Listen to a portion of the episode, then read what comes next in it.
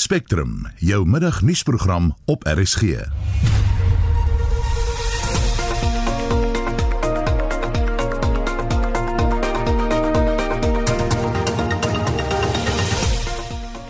In die volgende uur president Cyril Ramaphosa sê landsburgers het die reg om die howe te nader oor die inperking. Die weermag reageer op gerugte dat groot groepe Chinese troepe na bewering in die land is. A Thousand Women One Voice nader die VN oor die sentralisering van voedselhulp en inry fliekteaters gaan binnekort in Durban opgerig word. You would drive down, park, the sound gets transmitted from the stage via an FM receiver to your car, so you tune in using your car radio. And the only time you would get up and out of your car is go to the ablutions. So it's a very controlled environment for us. Goeiemiddag, welkom by Spectrum. Die span is redakteur John Estreys en produksieregisseur Lewana Bekes en ek is Susan Paxton. Onthou Spectrum Monitor en Naweek Aktueel is beskikbaar op Potgooi. Gaan net na die RSG webblad www.rsg.co.za.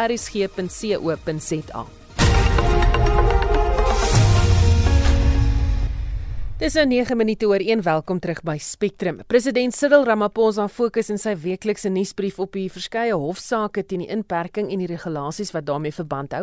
Hy skryf vir joernaliste om gevra of dit hom bekommer en sy reaksie was sowel die regering sal verkies om regsaksie teen die regering te vermy, moet hulle aanvaar dat burgers die reg het om ons howe te nader vir enige vorm van verligting.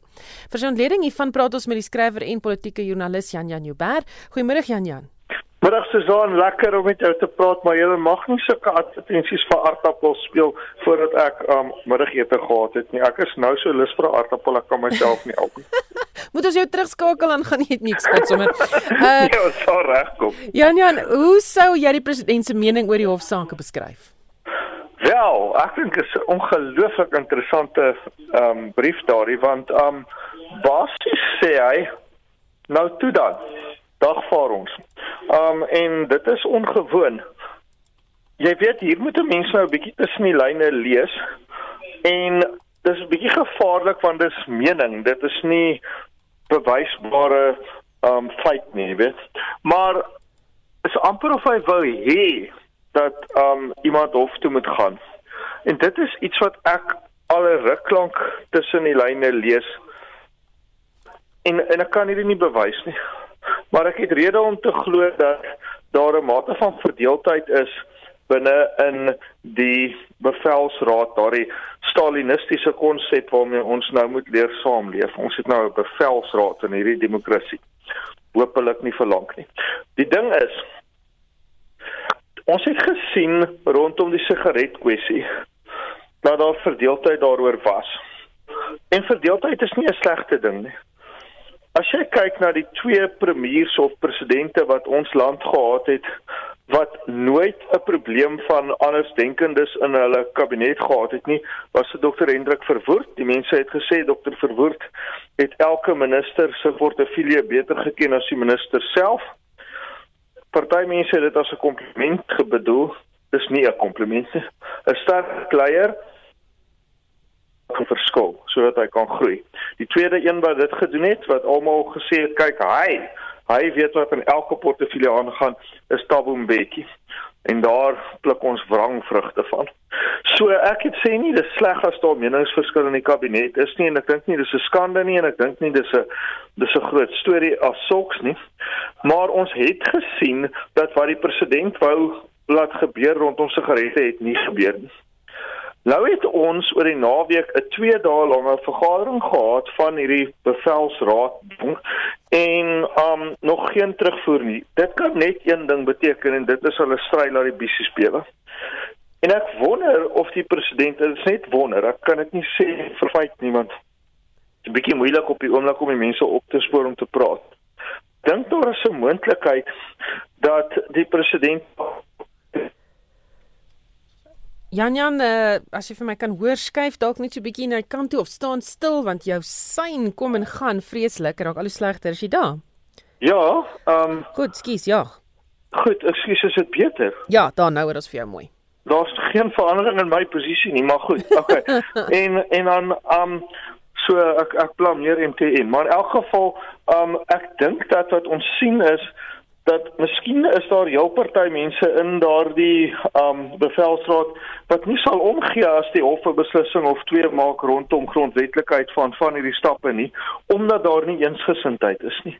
En in my lewe het ek nog nooit gesien dat 'n politikus van enige aard en beslis nie 'n president uit eie beweging sê nou toe dan vat ons hof toe nie. Dis of volkomme arrogansie wat ek nie by president Ramaphosa vermoed nie of dat daar dalk 'n mate van onsekerheid is oor van die grondwetlikheid van van hierdie stappe. Maar dat dit 'n buitengewone nuusbrief is, dit lê geen twyfel nie. Hierdie weeklikse nuusbriewe oor die algemeen, wat dink jy probeer hy bereik daarmee? Um wel, ek dink enige president dis 'n amper so natuurlike situasie dat 'n president raak afgesonder van die bevolking wanneer hy 'n president of sy 'n president word. Jy raak vasgevang in vergaderings en uitnodigings en mense wat vir jou alles vertel wat hulle dink jy wil hoor en mense wat by jou wil geld hê vir dit en dat.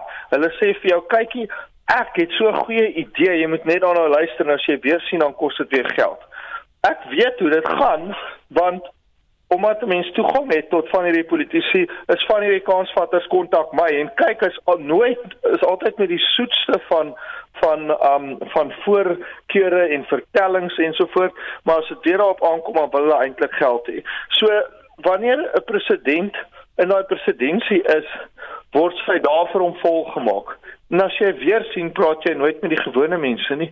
So dis een van die maniere om vir die gewone mense te sê, "Goed, kom ons staan 3 tree terug en ek sê vir 'n slag vir julle wat ek dink. Ek's nie in die volgende vergadering of besigheidskamer wat ek moet toespreek of ander mense wat my 4 maande gelede gekontak het vir 'n afspraak nie. En dit is die doel van So, ehm um, dit is hoekom dit bestaan. Of dit die doel dien, weet ek nie altyd nie, want daar's maar 'n oneweredige verspreiding wat kwaliteit betref. Baie van daai briewe is verveliger as om te klas groei, maar hierdie een van Lenirie is 'n baie interessante. Goed dan professor Steven Friedman, eh, ook 'n politieke ontleder het vroeër op SAFM gesê daar moet debat gevoer word oor die besluite wat die regering neem. Kom ons luister gou na wat hy gesê het. I would hate to be in the shoes of anybody in government because you're under pressure from what has become an absolutely insatiable lobby. I mean, the loudness of the demands to stop restrictions are becoming deafening. On the other hand, as I pointed out, you have to protect people against the dread disease. You're not going to get it 100% right. The only way we can do this, and here I think government is at fault to a certain extent, is that we need to encourage as open a debate as possible and as rational a debate as possible. And government doesn't do that when it tends to be quite secretive. It doesn't tell us what its thinking is based on. Nou dis professor Steven Friedman. Stem jy saam Jan Jan dat uh, die regering te geheimsinnig is? Wel, wat jy nou nie miskien heeltemal sal waardeer nie, is dat hierdie geskiedkundige oomblik is. Dis die heel eerste keer dat ek met Steven Friedman saamstem, ja. Sal net onmiddellik aanteken vir jou aardappel stuur. Ehm um, die president van die Suid-Afrikaanse Mediese Navorsingsraad, professor Glenda Gray het ook op SAFM gesê die hmm. inperkingsregulasies moet daarop gemik wees om die verspreiding van die virus te keer. Kom ons luister gou na wat sy gesê het. We know what we have to do and we have to implement these interventions very strictly and we need to also understand who's more at risk and who's not at risk for COVID infection, for bad COVID disease. And so we should allow the economy to restart while implementing NPI. Hoe moeilik gaan hierdie besluit vir die regering wees uiteindelik? Weet jy, dis eintlik waarvan ek gepraat het toe ek nou-nou gesê het dat dit word 'n bietjie van 'n ekkokamer wanneer jy in 'n regering is. Ek dink die regering maak hierdie besluit vir homself baie moeiliker as wat dit is omdat hulle nou al vir 7 weke lank niks anders doen of 8 weke lank niks anders doen as om daaroor te dink nie. Wat dan gebeur is jy kan tussen die bome die bos nie sien nie. Jy begin so gefokus raak op hierdie dingetjie van ehm um, jy het ons moet net nie 'n fout maak nie. Oeg, dis verskriklik. Jy weet elke keer wat jy 'n minister sien, dan vertel hulle vir jou hoe verskriklik is alles, né? Nee? Ehm um, dat hulle begin nie oplossingsgerig dink nie. En dis waar Suid-Afrika gelukkig is om mense soos Glenda Gray en professor ehm um, Abdulkarim te hê Professor Abdul Karim het al 3 weke gelede gesê, um hierdie um Grendelstaat het sy doel gedien. Ons moet nou aangaan. Die regering moet nou ophou praat en begin luister en hulle moet hierdie dekselse inperking afstel so gou hulle kan. Die rede vir die inperking was om die mediese uh, beroep gereed te kry vir die pandemie wat kom. Daardie punt is bereik. Die mediese beroep is miskien nie 100% gereed nie, maar hulle is so gereed as wat hulle ooit sal wees. Dit help nie jou pasiënt hoes omdat hy 'n respiratoriese siekte soos COVID het en jy hou aan om vir hom treie aan te trek, maar intussen het hy ook begin bloei uit sy slaghaar uit, maar jy's so besig om treie aan te trek, jy sien nie die bloed wat pomp uit hom uit nie en ewe skielik bloei hy hom dood. Dis wat gebeur as jy die ekonomie heeltemal ignoreer wat die regering regtig besig is om te doen. So professor Friedman bedoel bedoel dit nie eintlik in 'n positiewe sin as hy sê dat die ehm um, die oproepe om die Grendelstaat op te hef die raak miskien te hard nie. Maar ek bedoel dit in 'n goeie sin. As die musiek hard is, beteken dit jy's te oud. Dis 'n ou sê ding, né? Nee. The music's too loud, you're too old. Die regering is te oud. Hulle moet nou aanpas by veranderende tye. Luister nou hoe hard die musiek is wat teen hulle gaan en daarbey aanpas. Baie dankie, dit was Jan Jan Newberry, skrywer en politieke joernalis. 'n Bekende vroueorganisasie, Thousand Women One Voice, het by die Verenigde Nasies se vroueorganisasies gaan aanklop om hulp. Die organisasie vra dat die regering moet ophou om sopkombuise wat daagliks duisende honger mense voed te sluit en aandring daarop dat alle kosskenkings sentraal beheer moet word. Ons praat nou met die stigter van 'n Thousand Women One Voice, Tina Tiaart. Goeiemôre Tina. Goeiemôre, hoe gaan dit? Met my gaan dit goed, maar in Gauteng het die departement van maatskaplike ontwikkeling reeds begin om sopkombuis te sluit. Wat is die impak op gemeenskappe? Is eintlik vreeslik as ons werk byvoorbeeld hier in die Weskaap met 45 kombuise en ons sit uitgewerk hulle voer so oor 7000 mense elke dag. Ehm um, nou daai mense om verskeie redes uh, daag op by die sopkombuise. Hulle kwalifiseer nie vir geld nie. Hulle kry nie stop. Uh, hulle kry nie kospakkies nie. En dit is regtig vreeslik. En ons sien eintlik elke dag meer en meer mense. In die begin was dit so 120 kinders. Nou kan ons maklik maklik 900 mense kry wat by 'n sopkombuis opdaag. Dan met ander woorde die die voedselnood is baie groot op die oomblik. Ja, die voedselnood is baie baie groot op die oomblik. Uh en soos ek sê om verskeie redes, ons het byvoorbeeld by gekyk na die aansoeke vir die um hierdie hulpfonds, um COVID relief R350 is 'n disaster. Ons hou ook die kospakkies dop, soos julle weet, julle berig elke dag hoe baie uh, uh kospakkie probleme ons het. So ons voel dat hierdie koskombuise baie baie noodsaaklik is. Dat hulle nog vir 'n vir 'n hele rukkie uh, moet aangaan en uh, moet kos uitdeel. Nou duisende mense ly honger en nie regeringsorganisasies doen hulle bes om bystand te verleen soos jy nou verduidelik. Hoe beïnvloed die birokrasie van die regering julle ehm um, uh, weet probeer sla? Wel, eerstens, uh, ons voel dat die nasionale uh, departement van sosiale werk kan nie vir ons kom sê wat ons in die gemeenskap moet doen nie. Hulle kan ook nie vir ons sê hoe ons dit moet doen nie want ons is elke dag daar. Ons sien wat daar gebeur. Net 'n voorbeeld, hulle wil ons moet nou kos aflewer by huise byvoorbeeld. So nou moet jy daai wit formulise bakkies gaan koop ten duurste. Jy moet nou petrolgeld hê om af te lewer. En jy kan nou net dink wie maak nou die geld en waar kry ons nou die geld om hierdie goed te doen? Ehm um, die publiek is baie goed, weet jy, ek het gister weer gekyk. Ehm um, gewone mense, duisende van hulle skenk elke dag kos vir hierdie sopkombuise. En ons moet hulle toelaat dat hulle kan help. Dit is waar ons vandaan kom, dis hoe ons werk. Dis so ubuntu werk. So ons moet die mense geleentheid gee dat hulle self hulle eie koskombuise kan bedryf. Nou julle het geantklop om hulp by die Verenigde Nasies se vroueorganisasie. Het julle al enige terugvoer gekry? Man gister het hulle my gekontak en verskeie inligting by my gevra. Ehm um, mevrou uh, Pumzile soos julle weet, sy's nie net 'n Suid-Afrikaner nie, maar sy was was ook deel van die 1000 vroue reg in die begin toe ons begin het. En sy stuur gewoonlik vir ons baie baie goeie wense en boodskappe. En ons weet dat sy 'n invloed in Suid-Afrika het nog steeds. En ons weet dat sy uh, die regering kan beïnvloed. Dis wat die uh, die Verenigde Nasies doen in die lande.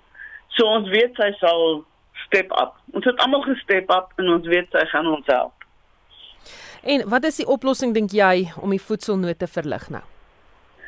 Kyk, ons moet Suid-Afrikaners aanmoedig uh, om te help. Jy weet die armste mense gee eintlik die meeste. Ons het nou gesien Lambert baie se vissermanne, hoeveel visse geskenk uh uh aan aan ons voedsel uh uh sopkombuise. So nommer 1 dit moet bly. As daar 'n gap is, as die regering bekommerd is dat sekere mense nie kos kry nie, dan moet hulle na die NPO toe te gaan en te vra, kan julle step up? Kan julle die werk doen? En natuurlik moet hulle daar geld af stuur vir die NPO's in plaas van dat hulle die geld wil optrek boontoe. Hulle kan nie eers SASSA reg organiseer nie. So regtig hulle behoort net die NPO's te um, geld te gee en voedsel na hulle toe te stuur sodat hulle die werk doen. Hulle weet wat gaan aan in die gemeenskap. Baie dankie, dit was die mening van die stigter van 'n Thousand Women One Voice, Tina Tiart. Verskeie foto's en inligting word op sosiale media rondgestuur oor beweerde groot groepe Chinese troepe wat op verskeie plekke in die land byeengekom het. Volgens sommige van die berigte het sowat 80000 Chinese soldate in Waterkloof geland en is van daar na geheime bestemming net buite Potchefstroom. Intussen wil die gerugte dit ook hê dat wapentuig vir die groot aantal soldate in Walvis Bay se hawe afgelaai is. Die gerugte word ook vergesel deur foto's. Die gerugte het baie mense ontstel en ons praat nou met kaptein Jaco Tenison, die woordvoerder van die gesamentlike operasie operasies afdeling van die Suid-Afrikaanse Nasionale Weermag. Goeiemôre Jaco. Goeiemôre Susan.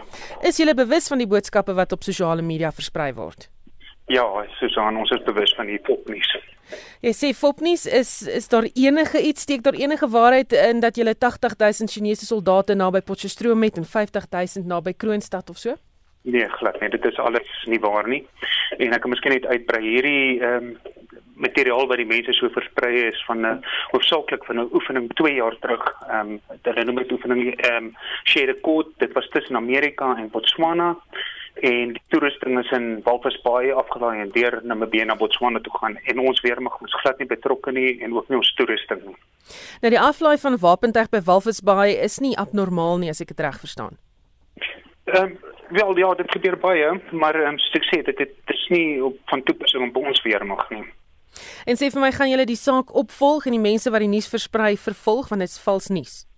Ehm um, kyk jy ons self sal nie die ehm um, maar mense moet besef eh uh, fopnuus is 'n is 'n 'n kriminele oortreding en en, en jy kan 'n tronkstraf 'n boete van R2000 kry en of 'n tronkstraf tot en met 6 maande.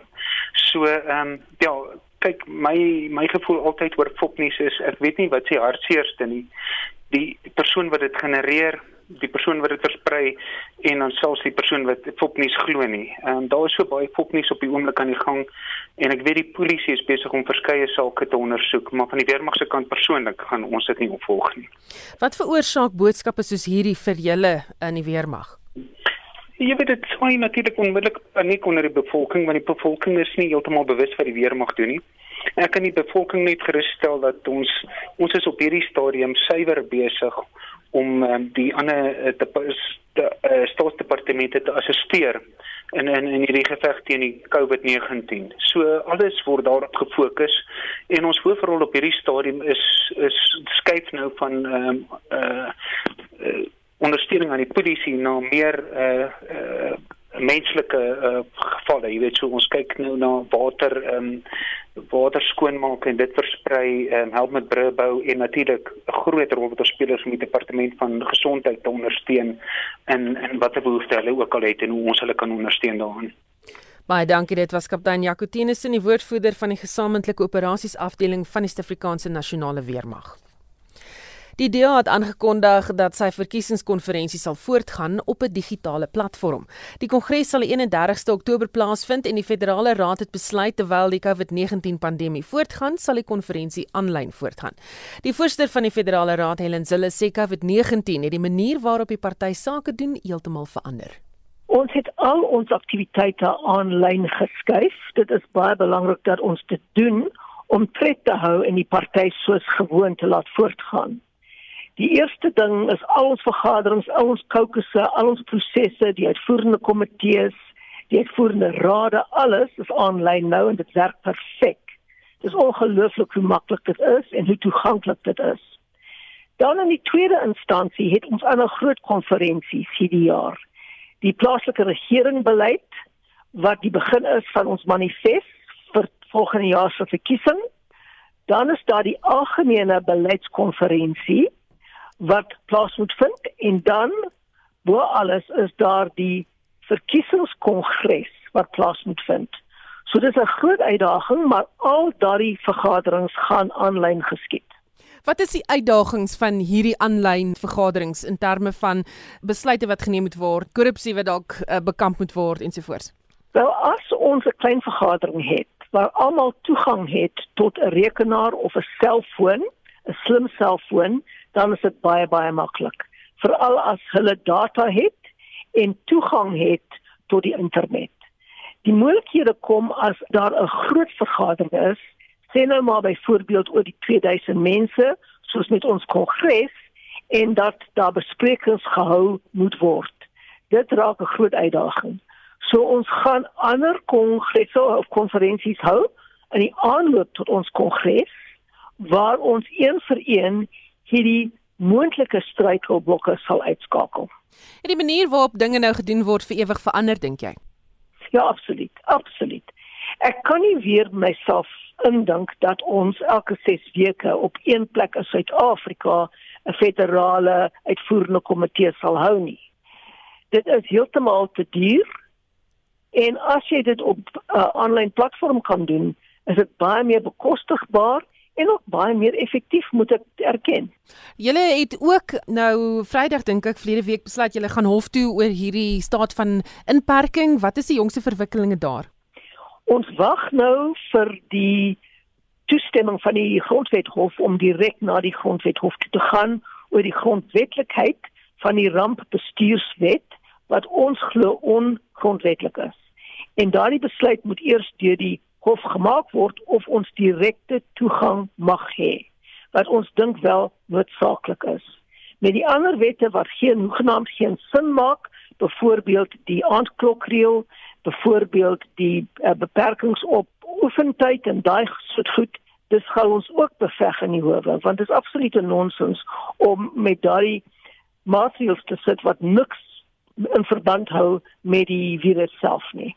Voel julle dat hierdie maatreëls nie ons demokrasie bevoordeel nie? Hierdie maatreëls ondermyn ons demokrasie want ons het 'n uh, groep ministers wat nou eintlik wette maak asof hulle die parlement is sonder enige oorsig, sonder enige wigte en teenwigte. Hulle kan aangaan soos 'n autokrasie wat ons nie is nie en dit heeltemal ongrondwetlik soos hulle aangaan. Dit was die voorsteur van die Federale Raad van die DA, Helen Zille. Jy luister na Spectrum elke weekmiddag tussen 1 en 2. In die tweede helfte van die program huiseienaars in die Tshwane Metro kla oor buitensporige verhogings in eiendomsbelasting. Daar's planne om inryteaters in Durban te skep en die son het 'n periode van sogenaamde minimum sonkrag binne gegaan. Volgens op Twitter by Mondspek1 en op facebook.com vorentoe skynstreep ZARSG. Ons beweeg na die sportveld met Shaun Jooste. In rugby nuus, die vyf Nieu-Seelandse Super Rugby franchises, die Blues, Chiefs, Crusaders, Highlanders en Hurricanes het oefening vandag hervat en berei nou voor vir hulle plaaslike kompetisie wat op 13 Junie afskop. Nieu-Seeland is op vlak 2 met al COVID-19 inperkings en sportkodes soos rugby en netbal mag weer voortgesit word. Die Highlanders het die vleuel Niemilner Skudder vir die kompetisie opgerap en die slot Sam Whitelock sluit ook weer by die Crusaders aan. Die voormalige All Blacks en Highlanders agterlynspeler Ben Smith wat na die Wêreldbeker by die Franse klub Pau aangesluit het, is terug in Nieu-Seeland, maar nie vir die kompetisie nie. En laastens in tennisnuus. Die Amerikaanse Tennisfederasie het aangekondig dat 'n besluit oor vanjaar se major in die tweede helfte van Junie gemaak sal word. Die oop is vir 31 Augustus tot 13 September by Flushing Meadows in New York geskeduleer, maar indien omstandighede rondom die koronaviruspandemie nie verbeter nie, kan die oop se tyd en plek verander. Wimbledon is weens die koronavirus vir die eerste keer sedert die Tweede Wêreldoorlog gekanselleer en die Franse Ope is ook tot September en Oktober uitgestel. New York het 355 000 besmettings en 28 000 sterftes. Dit was ons sportverslaggewer Shaun Jooste.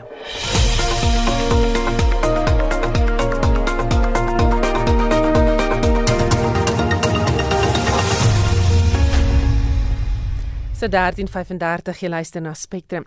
Vir talle fliekgangers wat die afgelope paar jaar moes vrede maak dat inry teaters iets van die verlede is, beteken die sosiale afstande wat gehandhaaf moet word weens COVID-19 nou goeie nuus. 'n Sakeonderneming in Durban, MP Concept Events, gaan binnekort inry teaters weer die lig laat sien. Esie de Klerk doen verslag. Jy gaan waarskynlik nog 'n rukkie moet wag voordat jy na jou gunsteling fliek in 'n teater kan gaan kyk. Maar dalk kan jy binnekort jou springmelies en ander versnapperinge in jou motor laai en soos van ouds na die teater ry en die fliek in jou motor kyk. Die eienaar van Impi Concept Events in Durban, Stuart Berry, sê die konsep vir parkflieks, soos wat die inryteaters genoem word, is gebore uit mense se behoefte om weer in groepe te kan sosialiseer, maar op 'n veilige afstand. The reality is that people are not going to be able to gather in close proximity like they would have at our other events, our music concerts, sporting events. And so this was an easy way for us to ensure that we still provided some form of entertainment in an era where people will be dying for some kind of entertainment, but it needs to be in a really safe and controllable environment. And with people arriving, in their vehicles, staying in their vehicles and leaving in their vehicles. That allowed us to provide a safe environment for everyone. Hy sê die fasiliteite sal vir meer as net fliekkyk gebruik word. We're going to have live music performances. We can essentially have live discos as well and there've been some wonderful examples overseas where attendees have participated through the hooting of their hooters.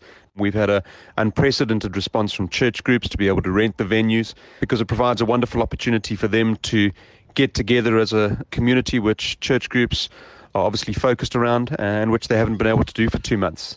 And then also the opportunity to provide a venue for the Department of Education who can offer on site educational classes for those uh, in our schooling systems who don't have access to data and laptops and tablets. Berry sê vir nou word die inryteaters beplan in 3 gebiede in Durban. The purpose of three venues is based on the demand that we think there's going to be. Those are going to be in the eThekwini municipality around Durban. Having said that, though, we, ever since launching the brand last week, we have had unprecedented interest from around the country, from as far afield as Kimberley and Kuruman, uh, all the way down to the Cape and into northern sections of the country as well, around other event organizers, other facility owners, property owners, really asking us to come and set up the same thing in their areas. So it seems that the demand to try and spread this nationally is very, very high. Hy sê mense sal slegs vir beperkte redes toegelaat word om hul voertuie te verlaat. So from a safety perspective, I think the wonderful thing around a drive-in is essentially that it's no, in fact, probably safer than going to the shops because it's no different from a parking perspective as if you were going to the local shopping mall or the grocer. You would drive down, park, the sound gets transmitted from the stage via an FM receiver to your car, so you tune in using your car radio. And the only time you would get up and out of your car is go to the ablutions. So it's a very controlled environment for us. And then as the lockdown levels ease, so we may be in a position based on the uh, regulations uh, that government are putting out to then allow people to get out of their cars and put a chair next to their car. So, from a safety perspective, I think it, it's wonderful because it, it ticks every single box. Berry sê hy hoop die kultuur van inryteaters kan weer in Suid-Afrika gevestig word. Ek is Estie de Klerk vir SAK nuus. Die Hooggeregshof in Pretoria het onlangs beslis dat die geregverdig of dat dit geregverdig is om ras as kriterium te gebruik om te bepaal wie finansiële hulp tydens die COVID-19 krisis mag kry. Solidariteit se aansoek om die beslissing direk na die konstitusionele hof te appeleer is ook van die hand gewys en vir meer oor hulle planne nou praat ons met die bestuurshoof van Solidariteit Dirk Herman. Goeiemôre Dirk. Goeiemôre. Uh, jy het nou 'n blytjie geloop by twee howe. Wat is jou reaksie daarop? Wel die grondwetlike hof is nou tegniese uitspraak. Dit beteken dis dis 'n hekkie waaroor ons moet spring. Dis nie 'n stopstraat nie. Die feit is dat hulle het gesê dat hulle ja, gaan nie vir ons direkte toegang gee nie. Ons moet eers deur die Hoogste Hof van Appel gee. Ons dink is heeltemal 'n absurde uitspraak in die lig van dat ons kan nie dink wat daar anders op die oomblik in is in Suid-Afrika waar ons eintlik meer grondwetlike sekerheid te kry as om vir mense hulp te gee op grond van ras nie en daarom het ons gedink ons moet dringend so te beweeg. Die nood is groot. Ons moet vinniger beweeg, maar die grondwet hof het nou gesê ons moet appelhof toe en dit is presies wat ons nou gaan doen. So dit beteken dis die meriete is nog nie hanteer deur die grondwetlike hof nie. Die meriete moet nou deur die hoogste hof van appel hanteer word en ons gaan dit doen. Ons kan nie vir een oomblik dink dat daar in Suid-Afrika regsruimte kan wees vir so 'n bizarre vorm van rassediskriminasie nie. Die hof het egter nog nie uitspraak gegee oor Afriforum se aansoek nie. Wat pels dit? Ja, dit is vreemd. Die grondwetlike hof moet nog spesifiek sê of hulle aansoek ehm um, um, goedgekeur is. Die minister het al klaar op haar karretjie gespring gesê dit is beide Afriforum en Solidariteit sin wat afgekeur is. Ons soek dus nou nog finale uitspraak oor Afriforum ons verwag dit in um, vandag of môre. Indien dit sou gebeur dat die grondwetlike hof Afriforum wel toelaat om voort te gaan, dan sal ons aansoek doen om dan applikant daar te wees, maar andersins sal beide Solidariteit en Afriforum na die hoogste hof van appel Julle wil ook 'n klag teen die Suid-Afrikaanse regering by die Verenigde Nasies indien. Hoe sal dit die land baat? Ja, sonder twyfel moet ons dit doen. Ek meen dit is baie duidelik. Ons gaan nie die absurde vorm van rassediskriminasie net hier los neem. Ons moet eenvoudig nee sê. So die eerste een is die regsroete, dis wat ons nou doen. Die tweede een is 'n klag teen die Suid-Afrikaanse regering by die Verenigde Nasies. Dis by die komitee vir die uitwissing van alle forme van rassediskriminasie. Ons moet daai internasionale stem laat hoor. Ek meen dit kan net eenvoudig nie, nie wees dat ons hierdie kan aanvaar nie en daarop gaan ons ook internasionaal. Maar die derde ding is natuurlik en dit is selfs nog meer kragtig en dit is net eenvoudig om vir die mense te sê indien die regering jou uitskop, dan skop die gemeenskap in. So ons doen nou 'n groot oproep op die gemeenskap om te koop by die sakeondernemings wat uitgeskop word deur die regering om mekaar in diens te neem ensovoorts sodat ons die gemeenskap in groot getalle mobiliseer om mekaar te help aangesien die regering sê dat luister ons gaan julle nie help nie. En die derde been is net so kragtig. So ons het drie goeters. Howe internasionaal en dan ook om die gemeenskap te mobiliseer om mekaar te help. Baie dankie dit was Dr Dirk Herman die bestuurshoof van Solidariteit. Die Tshwane Metro se nuwe waardasierol het heelwat mense onkant betrap. Hy is stom geslaan oor die buitensporige verhogings en sommige is nie finansiëel in staat om die verhogings te betaal nie. Ons praat nou met 'n prokureur wat spesialiseer in 'n kredietwet. Is Michael Lombard. Goeiemôre Michael. Middag Susan, hoe gaan dit? Dit gaan goed met my, dankie, maar wat behels die nuwe waardasierol en hoe werk die wetgewing wat munisipale eiendomsbelasting reguleer? Uh kyk Tshwane Metro het nou gedurende April 2020 die nuwe waardasie rol van eiendom in hulle metro gebied bekend gestel. Die aangepaste um, eiendomsbelasting laat baie eienaars soos jy reg gesê het verbaas staan oor hierdie nuwe waardes van hulle eiendom. En hoe dit werk is dat die munisipaliteit doen elke 5 jaar 'n opdatering van die munisipale rol, welke die waardes van alle eiendomme opdateer die metodologie um, word daarna verwys as massa waardasies. Nou hierdie proses word gereguleer deur die wet op beheer van munisipale belastings en die doel van hierdie waardasierol is om te bepaal hoeveel eiendomsbelasting is betaalbaar deur elke individuele eienaar van eiendom. Dit sluit nou alle um, dit sluit nou residensieel, kommersieel en besigheidseiendomme in, maar die eiendomsbelasting nie gesien word as welvarende belasting maar eerder as 'n moenie gesien word as skiesman as 'n uh, dit moet gesien word as 'n welvarende belasting en nie as 'n inkomstebelasting. In ander woorde, hierdie waarde moet direk verband hou met die verbeterings en die lokasie van hierdie eiendom. So in ander woorde, die regverdigheid van belasting is uit en uit gebaseer op die akkuraatheid van die waardasie van die eiendom wat die pro rata um, belasting dan bepaal. Nou ons firma was in die laaste paar dae met heel wat um, eienaars um, gekonfronteer en, en wat ons gekontak het oor hierdie probleem waar hulle voel dat die weergawe van hulle waarde het het ongelooflik verhoog en hulle voel dit is nie in lyn met die korrekte waarde nie. So wat kan 'n persoon dan doen as hy voel dis onregverdig? Kyk, jy 'n persoon is geregtig om 'n beswaar aan te teken en ehm um, weens die COVID-19 tydperk is die verswaar uh, datum verskuif na 24 Junie 2020, maar dit bly nog steeds 'n probleem want ongeag die beswaar wat 'n persoon nou indien, dan bly hy nog steeds verantwoordelik vir daai verhoogde heffing. Nou ons het byvoorbeeld 'n voorbeeld van 'n persoon wat sy eiendom Nou voor die uh, nuwe rol was die waarde van die eiendom 3 miljoen 750 000. Die eiendom is geleë in die sentrale gedeelte van Pretoria en heidaglik is die waarde 13 miljoen 870 die nuwe waarde. So die impak daarvan is van 'n 'n um, 'n inkomstebelasting 'n uh, 'n uh, eiendomsbelasting van R3400 is dit nou verhoog na R13500 per maand waarvoor die eienaar nou nog steeds moet betaal hangende hierdie uh, beswaarsproses. En dan ehm um, jy weet hierdie tipe eiendom, hierdie eiendom spesifiek waarvan ek praat was geen sins Ehm um, jy weet daar geen verbetering in die laaste 5 jaar aangebring nie en die area waar die eiendom geleë is byvoorbeeld is ook 'n area waar eiendomme in 'n stagnasie uh, vlak is. Daar's nie baie aktiwiteit daar nie. Hmm. Baie dankie. Dit was uh, Michael Lombard, prokureur wat spesialiseer in die kredietwet.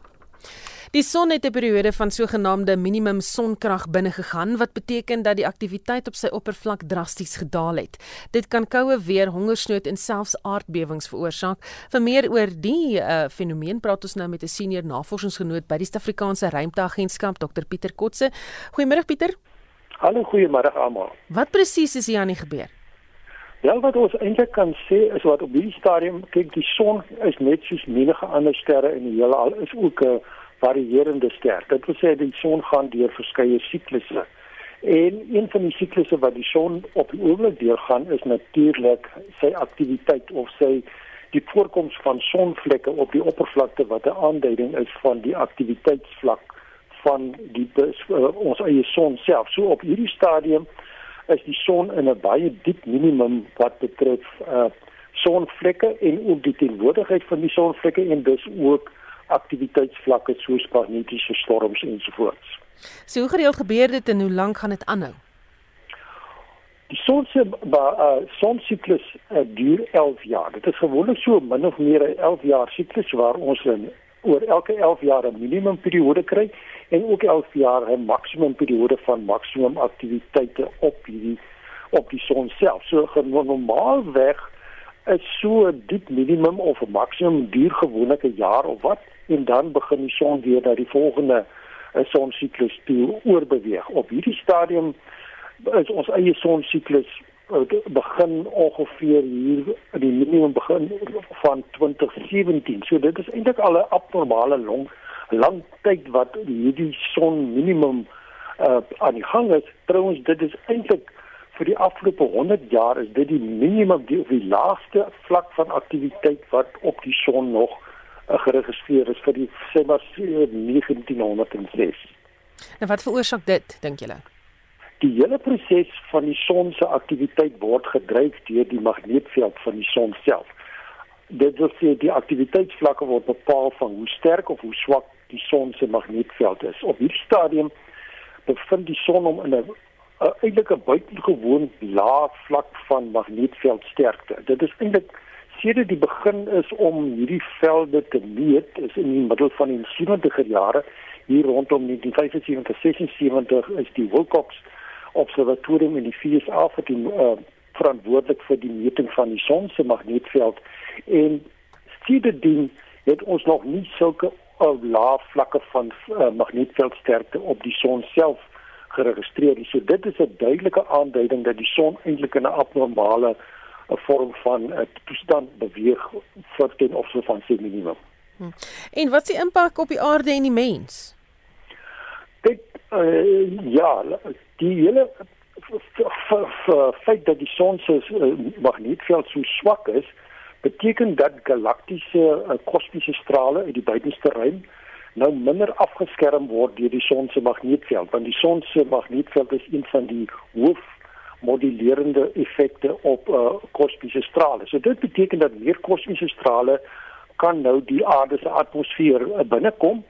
Dit beteken dat meer neutrone word geskep. Dit is een van die byprodukte wat ons ook hier by, uh, in Suid-Afrika net of wêreldwyd is die vlak van neutrone wat uh, gemeet word. Die neem dramaties toe nou op hierdie stadium van die son se uh, siklus. Dit beteken ook dat mense uh, nou natuurlik nou voor hierdie uh, inperkingsmaatreëls begin het wat uh, veral lief is om Voyager myle op te samel met uh, te stapel met hulle interkontinentale vlugte beteken dit hulle blootstelling aan neutronbestraling aansienlik uh, gaan toeneem. Dit was van opgewone op sê maar op 'n vlak van 10000 meter is jou uh, neutronvlakke omtrent 30 keer groter as wat jy op grondvlak sal kry. So dit is een van die neeweffekte wat vir die mensdom uh, direkte gevaar inhou en veral vir vlugte wat oor die poolgebiede gaan waar daar die minimum van afskerming is van die aarde se eie magneetveld beteken dit dat uh, vlieëniers wat daardie vlugte gereeld onderneem eintlik as stralingswerkers geregistreer moet word maar hierdie effek het nou eintlik verdwyn met die feit dat die uh, lugvaartindustrie eintlik nou op tot 'n stilstand gekom het en daar basies weinig vlugte gaan uh, plaasvind maar normaalweg teen so 'n minimum periode moet 'n mens waak daarteen om nou nie te veel entoesiasties met Voyager myle om te gaan nie. Baie dankie. Dit was Dr Pieter Kotse, senior navorsingsgenoot by die Suid-Afrikaanse Ruimteagentskap. KwaZulu-Natal se premier Zihle Sikelala het vol vertroue dat die provinsie sal kan voortgaan met die verslapping van die inperking na vlak 4. Sikelala het die media gister in Durban ingelig oor hulle pogings om die COVID-19 pandemie te bekamp. Justin Kennerly berig. Sikelala sê die nasionale inperking was geslaagd in die provinsie omdat dit beslis die infeksiekoers laat daal het. Hy sê dat hy die provinsie kans gegee om sy gesondheidsorg uit te brei sodat die ongevalle hulle nie onkant betrap nie. Zikalala sê die provinsie het 6400 beddens gereed vir pasiënte wat afgesonder moet word of intensiewe sorg benodig. We have been able to prevent a possible catastrophe in which thousands of people could have died. The lockdown has lowered the infection rate and provided us enough time to build capacity and the capability to mitigate the impact of this pandemic. Daar is egter gerugte dat sommige dele van die provinsie, soos die eThekwini Metro en die distrik Ilembe, weens 'n groot aantal besmettings moontlik nie tot vlak 3 afgeskaal sal word nie. Zikalala sê dit is onsin. There are strong indication that as KwaZulu-Natal all our regions may move to level 3. However, there is a caveat for that to happen and remain that way. Everyone will have to comply with all the non-pharmaceutical approaches to prevent infections. So all our people will be expected to ensure that they all follow and comply with measures that will be put in place to ensure that we prevent infections. Zikalala is egter bekommerd oor die toename in die aantal COVID-19 infeksies in die Ilembe distrik noord van die Durbanse metro. Zikalala sê hierdie infeksies het ontstaan toe die gevalle wat verband hou met internasionale reis verskuif het na plaaslike besmettings. While areas that were affected more were initially urban areas, we now note an increase in townships and still less of the increase in the rural areas. We need to work more to cap the spread in eThekwini, Ilembe and Umgungundlovu. And these are to be closely monitored as we go forward. Zikalala het bevestig dat die General Kizenga Mpanza Hospitaal in KwaDukuza vandag sal heropen. Die hospitaal is gesluit nadat COVID-19 vroeër by 9 vroue pasiënte en 42 gesondheidswerkers gediagnoseer is. Hierdie verslag deur van Helium Klongo in Durban en ek is Justin Kennerly vir SI Garnis. 'n Unieke handreinigingsprojek is in Kraaifontein in die Wes-Kaap begin. Handwasstasies is by die Masibambane Sekondêre Skool in Bloekombos geïnstalleer. Die nie-regeringsorganisasie wat die installering gedoen het, Save Our Schools of SOS sê, 5000 liter watertanks is aan die handwasstasies wat met vloeibare seep toegerus is gekoppel. Esie de Klerk doen verslag. Sowat 2000 leerders gaan skool by Masibambane Sekondêr. Die handwasstasies wat hier opgerig is, is een van 14 wat SOS by skole en gemeenskapsentrums oprig om sowat 100 000 inwoners te bedien. Die watertanks is reeds aan die handwasstasie gekoppel. Die bestuurshoof van SOS, Shelly Humphreys, verduidelik hoekom hulle die stasies oprig. We felt that it was vital, since the schools are looking to reopen on the 1st of June, that we needed to assist with additional hygiene and sanitation stations at the school. So the stations themselves have messaging on around the importance of social distancing, emergency numbers, and the other messagings from the World Health Organization. Die basiese riglyne om te help om die verspreiding van die koronavirus te beperk, is om gereeld hande te was met water en seep of om handreinigingsseep te gebruik.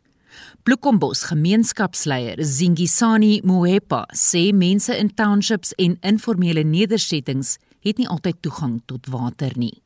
it really comes as a solution to the people of this particular community. As you will know that uh, most of them are not working, therefore they won't be able to afford hand sanitizers. Now this comes as a solution to them and we are so happy and thankful to the organization once again. Die handwas projek sal werk skep vir plaaslike inwoners. Die watertanks moet gemonitor, bestuur en gesteriliseer word om te verseker dat dit skoon bly, met water gevul word en dat die seepvoorraad voldoende is. Hierdie verslag is saamgestel deur Tandiswa Mahu in Kaapstad en ek is Estie de Klerk vir SAK nuus.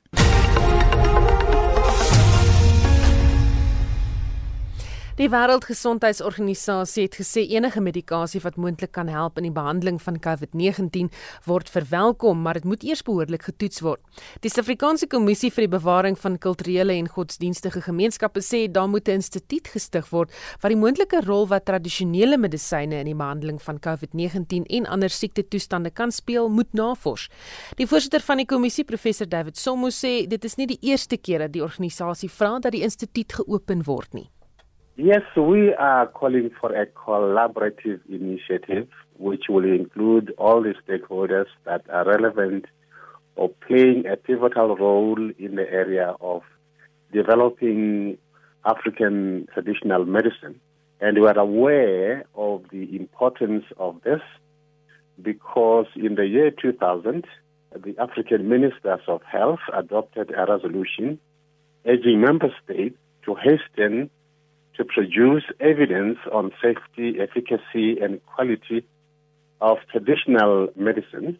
And of course, in support of the same call was the in the Yesenia, uh, the World Health Organization Regional Committee for Africa, supported this, and it's almost 20 years now. And uh, we are trying to say it is important that we begin to explore the possibilities of this collaborative effort which would call for the inclusion of all the stakeholders, especially the African uh, traditional health practitioners, because they have knowledge of herbal medicine. But without just calling for that, that there be a an institute which is dedicated to make sure that the research takes place to be able to reach our goal. And this can only happen if we develop a framework, have systems, structure, and policies to guide the functioning of that institute which we are calling for.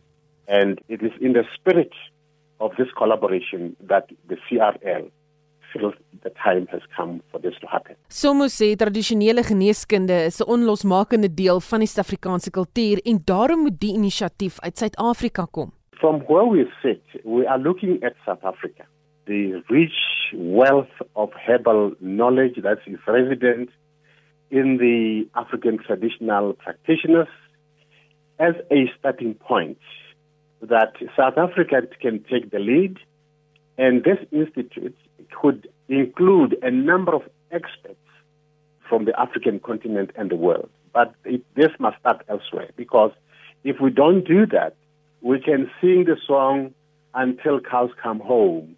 We want something tangible, something practical, something that can begin to function to help us go through this type of experiences that we are having in terms of attack of different kinds of viruses and sickness.